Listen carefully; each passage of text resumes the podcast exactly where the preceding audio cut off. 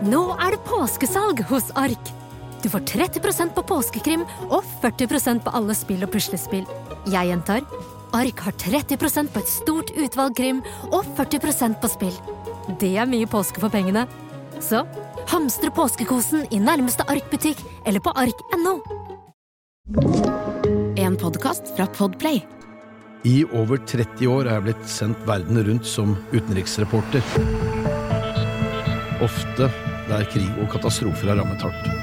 Jeg har havnet tett på, noen ganger litt for tett på. Dette er noen av mine historier. Dette er noe av det jeg har sett og opplevd på nært hold. Jeg heter Fredrik Gressvik, og dette er podkasten Med egne øyne.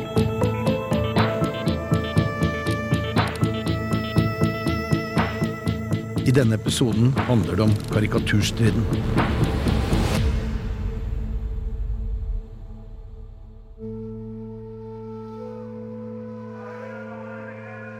Idet grenseovergangen fra Israel inn til Gaza åpnet om morgenen 2. februar 2006, sto jeg klar med de nødvendige akkrediteringene fra Jerusalem. Papirer ble sjekket og spørsmål stilt. Hvor skulle jeg, hvem skulle jeg snakke med, det vanlige. Jeg svarte uten å svare. De israelske grensevaktene visste uansett at jeg var norsk journalist på oppdrag, og slapp meg over grensen til Palestina. På grusveien mellom grensestasjonene møtte jeg en rekke kolleger på vei ut fra Gaza. Fredrik, du kan ikke dra inn nå, det er for farlig, advarte en italiensk kollega jeg kjente. En fransk fotograf sa noe i samme dur. Dagen før hadde demonstrasjoner mot Mohammed-karikaturene i Gaza tatt en voldelig vending. Et par vestlige journalister hadde fått juling, og andre hadde blitt truet på livet. Men jeg hadde en avtale og ville inn.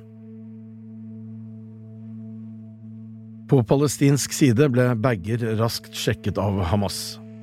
Kartongen med amerikanske sigaretter som lå på toppen av den ene bagen, skiftet eier før jeg ble vinket videre. Som reisende journalist kan det være fordelaktig å ha litt venner rundt omkring.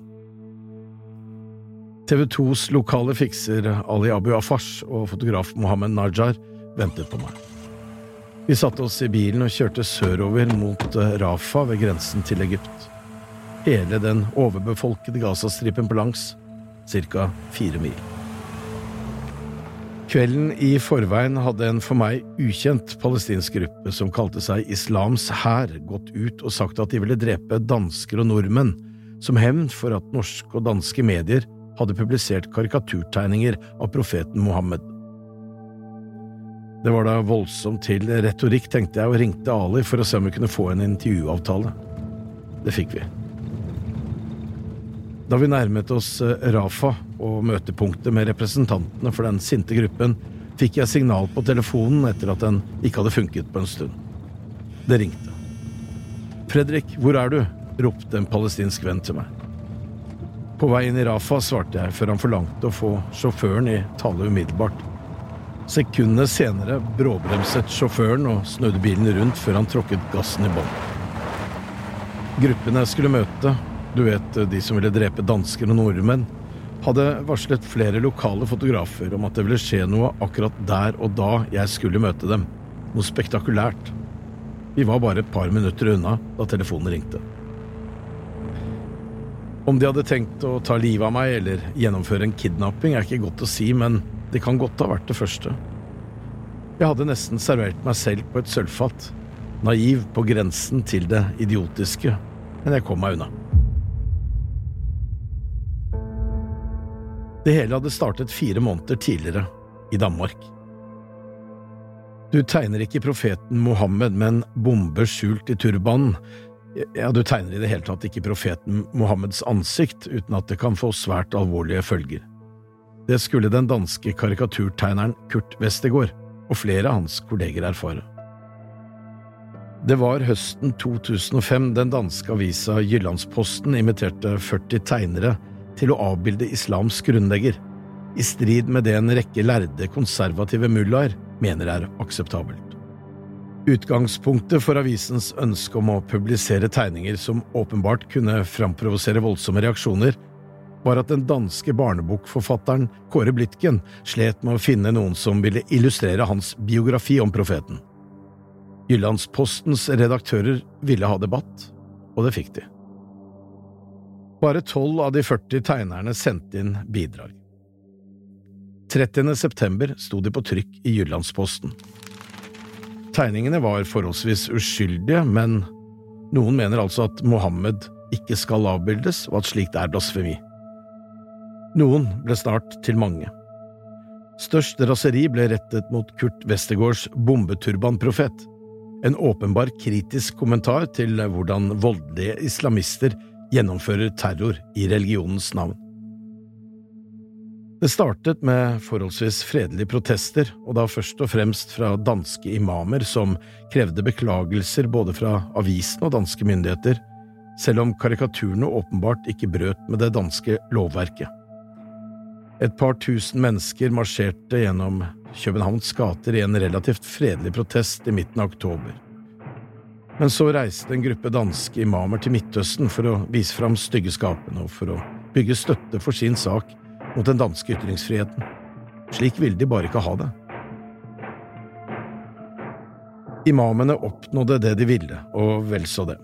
Den arabiske liga og flere andre internasjonale muslimske organisasjoner protesterte høylytt og krevde både beklagelser og boikott av danske varer.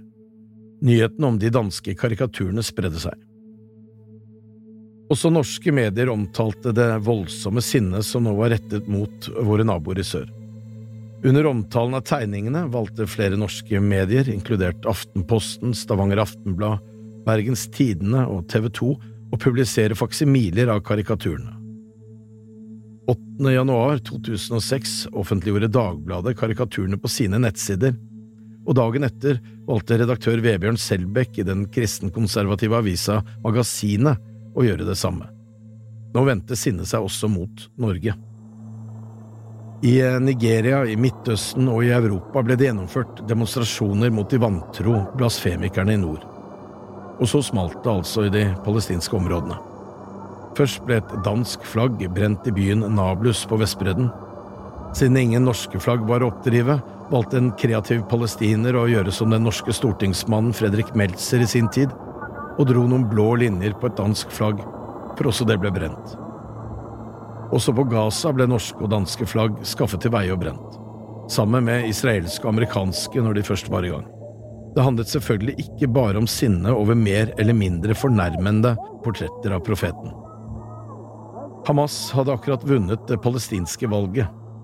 Palestinernes valg av den militante gruppen skyldtes langvarig frustrasjon over tidligere president Yasir Arafats parti Fatahs manglende evne til å gjøre palestinernes liv bedre.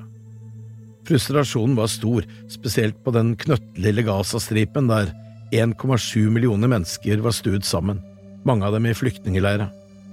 Uten arbeid, muligheter til å forlate landområdet og totalt avhengig av nødhjelp steg sinnet, og nå fikk de noe helt konkret å være forbanna for.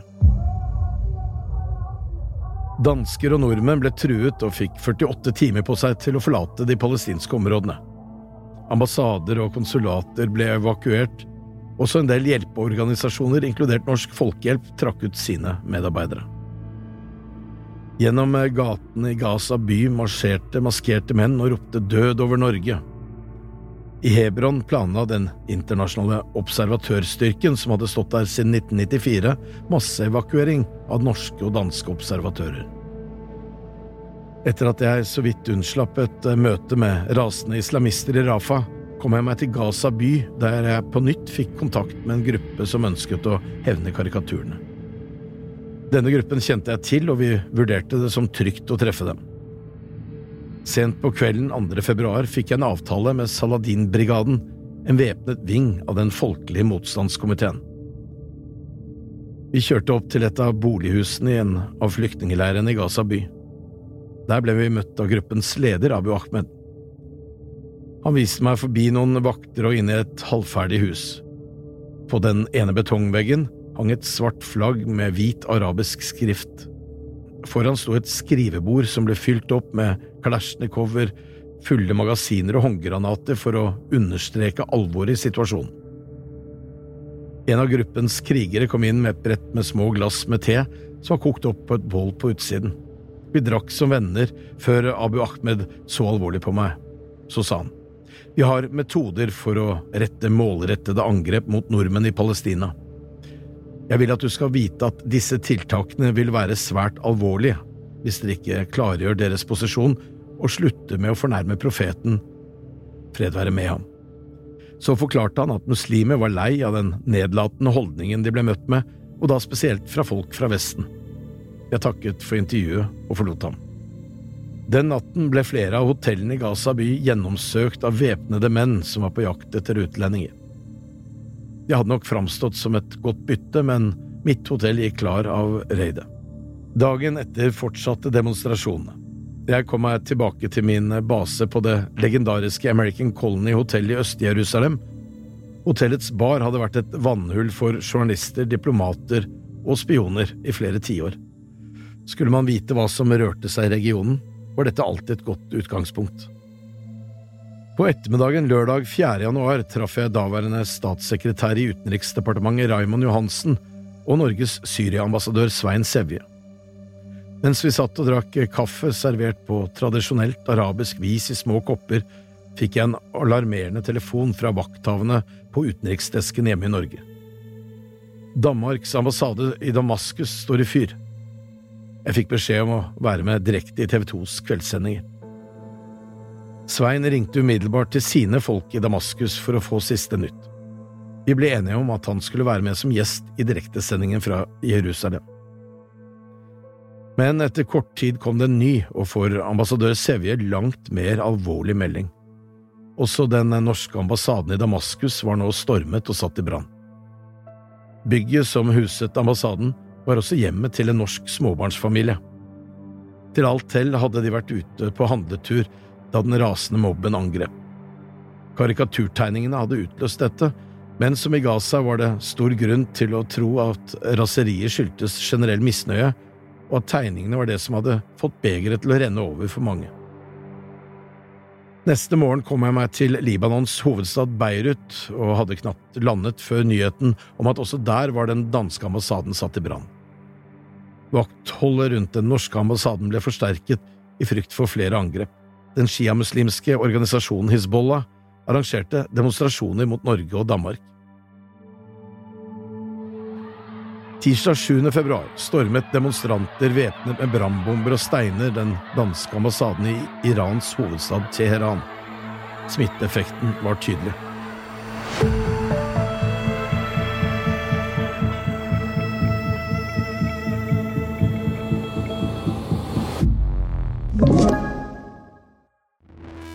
Nye sparetips hos Kiwi.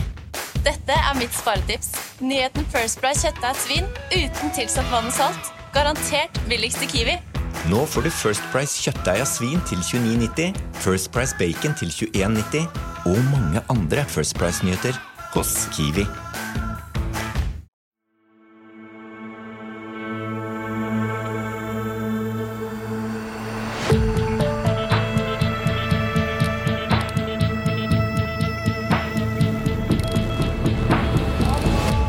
Under ettermiddagsbønn i den forholdsvis fredelige provinshovedstaden Meimane i Afghanistan samme dag, fikk de fremmøtte høre hvordan vantro nordmenn hadde skjendet profeten. Dette måtte hevnes. I en nedlagt bank midt i byen lå det norskledede hovedkvarteret for de internasjonale styrkene i Faryab-provinsen. Bygget, som kun ble omtalt som Banken, var sikret med en høy mur og en jernport. Vegg i vegg lå Meimanes politistasjon. Hvis man var omgitt av venner, var banken et greit sted for de norske styrkene å være. Var man omgitt av fiender, derimot, var det en klar ulempe å ikke ligge slik til at man hadde bedre oversikt over området rundt. Skulle det komme et angrep, kunne man lett få en rekke taktiske utfordringer. I gårdsrommet bak det gamle bankbygget lå soldatenes boligkonteinere og noen garasjer. Fra bygningene på begge sider kunne man se inn i leiren, også fra en høyde i parken på den andre siden av veien hadde man innsyn til det norske hovedkvarteret.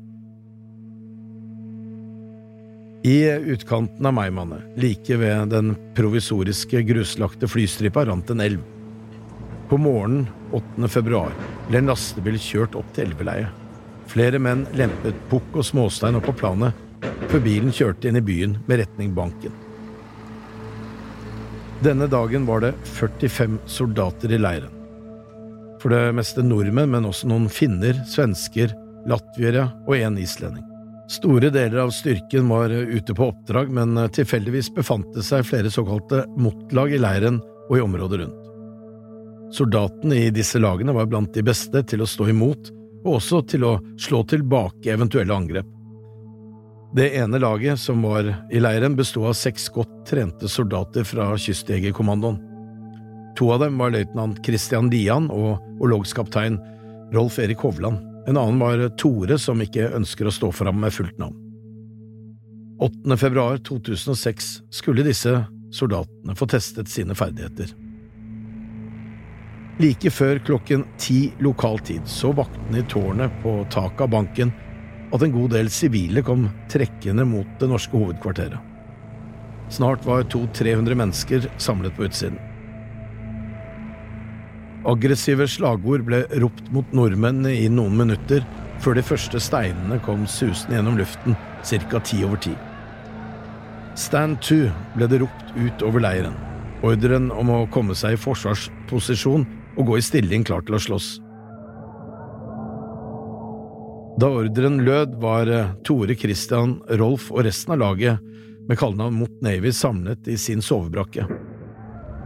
De hørte nå hvordan steiner haglet mot jernporten på framsida av bankbygget, og heiv på seg skuddsikre vester og hjelmer. Rutinerte festet i førstehjelpsutstyr, ammunisjon, granater, pistoler og vernmasker til kroppen. Da de løp mot de forhåndstildelte stillingene, ble de møtt av en skur av steiner.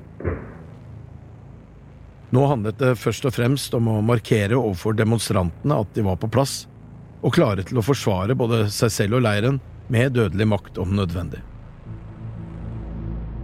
Situasjonen utviklet seg raskt til å bli svært farlig for både soldater og demonstranter. Nå ble det åpnet ild med automatvåpen fra utsiden av leiren. Granater ble kastet inn på gårdsplassen foran hovedbygningen. En soldat kjørte en Toyota Landcruiser helt inntil porten for å forsterke inngangspartiet. Soldatene fikk ordre om å skyte varselskudd. I byen Mazar-e-Sharif, 30 mil lenger øst, ble ledelsen for de internasjonale styrkene i Nord-Afghanistan varslet om den dramatiske utviklingen i og rundt den norske leiren. Alarmen gikk, og forberedelser til å sende forsterkninger iverksatt. Toppledelsen i Kabul og forsvarsledelsen hjemme i Norge ble også varslet. På naboeiendommen befant det seg rundt 200 afghanske politifolk. De internasjonale styrkene var der for å hjelpe lokalt politi å holde ro og orden i området. Nå sto politifolkene helt passive og så på hvordan sivile afghanere angrep de norske soldatene. Ikke så mye som en finger ble løftet for å bidra til å stanse det som nå hadde utviklet seg til en kamp på liv og død. Inngangsporten ble revet ned av demonstrantene, og bilen på innsiden satt i brann. Soldatene rettet kraftig skyts mot porten. Ordren var å skyte for å stanse angriperne. Med andre ord skyte for å drepe. En av de norske offiserene som hadde rigget seg til med rifla rettet mot demonstrantene på utsiden, tok først sikte på en av de han opplevde som mest aggressiv, og trykket inn avtrekkeren. Afghaneren falt om. Så skjøt offiseren en til. Han vet at minst én av de to døde umiddelbart. Tore og Christian Lians lag hadde ansvaret for å sikre framsiden av leiren, mens et svensk motlag hadde ansvaret for å holde kontroll på baksiden. Fra høydedraget i parken på den andre siden av gaten ble det skutt en granat med RPG mot det norske hovedkvarteret. Steiner fortsatte å hagle inn over gårdsplassen, og traff de soldatene som sto, satt og lå mest utsatt til. Granat, ble det ropt hver gang en håndgranat kom susende over muren. De drevne soldatene visste da at de kun hadde et sekund eller to på å komme seg dekning for de livstruende splintene. Men stadig flere soldater ble nå såret. Likevel fortsatte de å kjempe. De kunne ikke la demonstrantene storme leiren. Fra den ene naboeiendommen begynte noen å slå seg gjennom muren. Når hullet var stort nok, ble det skutt inn mot banken. Nordmennene var omringet og risikerte å bli stormet fra flere kanter. Molotov-cocktails, eller brannbomber, ble slengt over muren. Den brennende bensinen traff en av de norske soldatene, og han fikk hjelp av medsoldater til å slukke flammene før han fortsatte å kjempe. Tore ble truffet av en granatsplint i lysken og kom seg inn til legen for en rask sjekk før han kom seg ut igjen for å hjelpe kameratene med å sørge for at menneskemengden ikke klarte å overrenne leiren. Han la seg i posisjon og skjøt folk på utsiden. To leger og to sykepleiere var på plass i banken under angrepet. De hadde nå mer enn nok å henge fingrene i. Tores sidemann, en av skarpskytterne, ble truffet av en kule som gikk gjennom hjelmen hans, men til alt hell ble han kun påført en moderat streifskade. Han måtte likevel få behandling og ble erstattet av en annen skarpskytter. Den nyankomne skytteren la seg ned med kolben på rifla presset mot skulderen. Gjennom kikkertsiktet søkte han gjennom menneskemengden etter personer han oppfattet som mer truende enn andre. En av motstandernes hoder fylte hele siktet. Han presset inn avtrekkeren og så hvordan hodet formelig eksploderte da afghaneren ble truffet. Skuddholdet var bare 30 meter. Soldatene i banken hadde gått med skyts, men alt kunne ikke settes inn mot motstanderne. Det ville føre til en ren massakre. Derfor måtte de være tilbakeholdne samtidig som de sørget for å ta ut de mest aggressive angriperne. Ta ut er som kjent det militære begrepet for å drepe. Og så var det jo slik da at eh, det fortsatt skulle stå internasjonale styrker i området. Arbeidet framover ville trolig bli svært mye mer vanskelig og farligere hvis det ikke viste litt tilbakeholdenhet. Den norske ledelsen ble kontaktet av en afghaner som tilbød dem fritt leide til flystripa, slik at de kunne forlate Meymaneh. Men det var ikke aktuelt. Ordren var å holde banken og ikke overgi seg.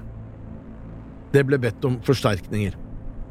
I Mazar ble den britiske reaksjonsstyrken gjort klar, men de var fem–seks timers kjøretur unna. Store militære lastefly ble klargjort for å få britene i lufta, slik at de kunne bistå sine nordiske kolleger. Nederlandske F-16 jagerfly kom i full fart innover Meymaneh og strøk lavt over byen. Brølene fra jetmotorene virket skremmende. For ytterligere å vise makt ble det skutt med raketter fra flyene mot en fjellside rett utenfor byen. De kraftige eksplosjonene bidro til å skremme afghanerne ytterligere. På innsiden av leiren var man i ferd med å brenne sensitive dokumenter, og det ble klargjort for å destruere både PC-er og ammunisjon. De hadde ingen garanti for at de ville klare å holde fortet, i hvert fall ikke før forsterkninger var på plass. En evakueringsplan ble lagt. Den gikk ut på at de skulle bruke massiv makt på å slå seg ut av leiren og gjennom byen til et samlingspunkt i fjellet på utsiden av Meymaneh. Seks timer etter at angrepet startet, landet flere tyske C-160 transportfly på flystripa like ved leiren. Lastelukene ble senket, og ut rullet den britiske reaksjonsstyrkens kjøretøy. Samtidig kom to motlag med finske og norske soldater fram til Meymaneh for å støtte soldatene i banken. Opprørerne forsto at de ikke lenger hadde mulighet til verken å ta kontroll over leiren eller jage de internasjonale styrkene ut av byen, og de trakk seg tilbake. Rundt 400 skudd ble skutt fra norske våpen i Meymaneh 8. februar 2006. I all hovedsak dreide det seg om varselskudd. Fire afghanere ble drept og flere titalls såret i kampene. En av soldatene jeg snakket med etter angrepet, fortalte meg hvordan både kvinner og barn deltok da demonstrasjonene startet. Gjennom kikkertsiktet på rifla hadde han sett flere barnehoder. To dager senere deltok flere tusen mennesker i begravelsene til de falne afghanerne. Spenningen i den norske leiren var stor ville gravfølget utvikle seg til en ny massedemonstrasjon. Men nå viste både guvernør Amer Latif og den lokale sikkerhetssjefen ansvar. De talte til gravfølget og forsøkte å forklare at de internasjonale styrkene egentlig var der for å støtte sivilbefolkningen, og at ingen i leiren hadde ansvar for karikaturtegningene som hadde klart å sette hele regionen i brann. Samme dag ankom de første forsterkningene fra Norge. Det var åpenbart at man måtte ha en større styrke på plass. Framtroppen besto av 17 soldater fra den profesjonelle styrken Telemark bataljon. Styrken hadde fått marsjordre allerede samme dag som banken kom under angrep. Slaget om banken skulle bli et vendepunkt for det norske Afghanistan-engasjementet. Forsvarsledelsen forsto at soldatene var omringet av livsfarlige fiender, og at man måtte bygge en ny og sikrere leir, og man var nødt til å utvide styrken betraktelig. Seks norske soldater ble skadet i angrepet. Jeg har snakket med flere av dem, og noen sier at det er uforståelig at ingen av dem ble drept. Fortsatt sliter noen få med psykiske ettervirkninger. Christian Lian fra Mot Navy ble drept sammen med tre andre norske soldater da bilen de satt i ble utsatt for et bombeangrep i Faryab-provinsen i juni 2010. Som i Gaza og andre steder var det ikke kun karikaturene som utløste raseriet. Også i Afghanistan var det underliggende årsaker.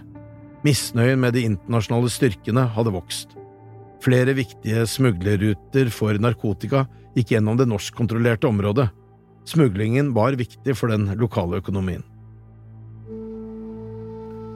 Senere samme måned trykket det franske satiremagasinet Charlie Hebdo karikaturtegningene fra Jyllandsposten i tillegg til nye portretter laget av bladets egne tegnere.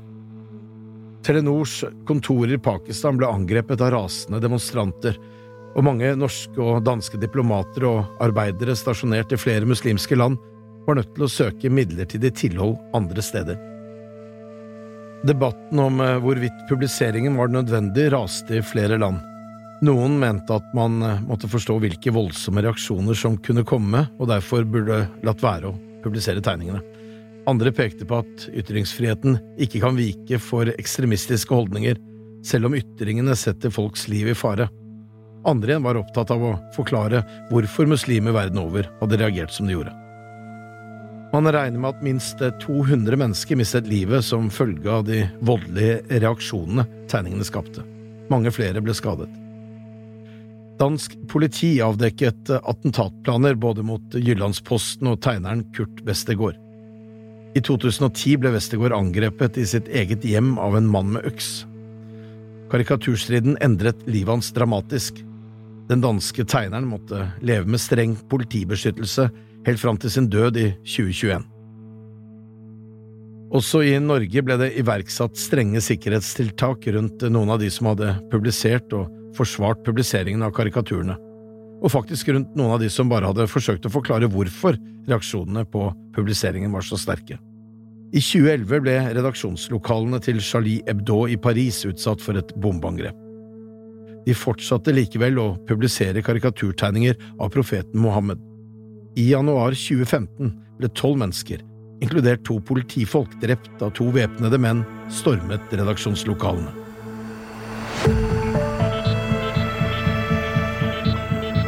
Fredrik Gressvik med egne øyne er produsert av Bauer Media. Produsent for podkasten er Thomas Alsaker.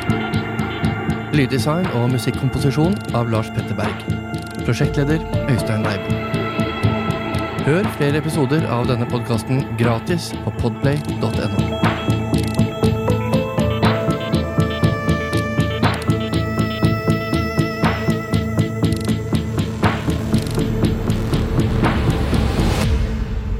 Du har hørt en podkast fra Podplay.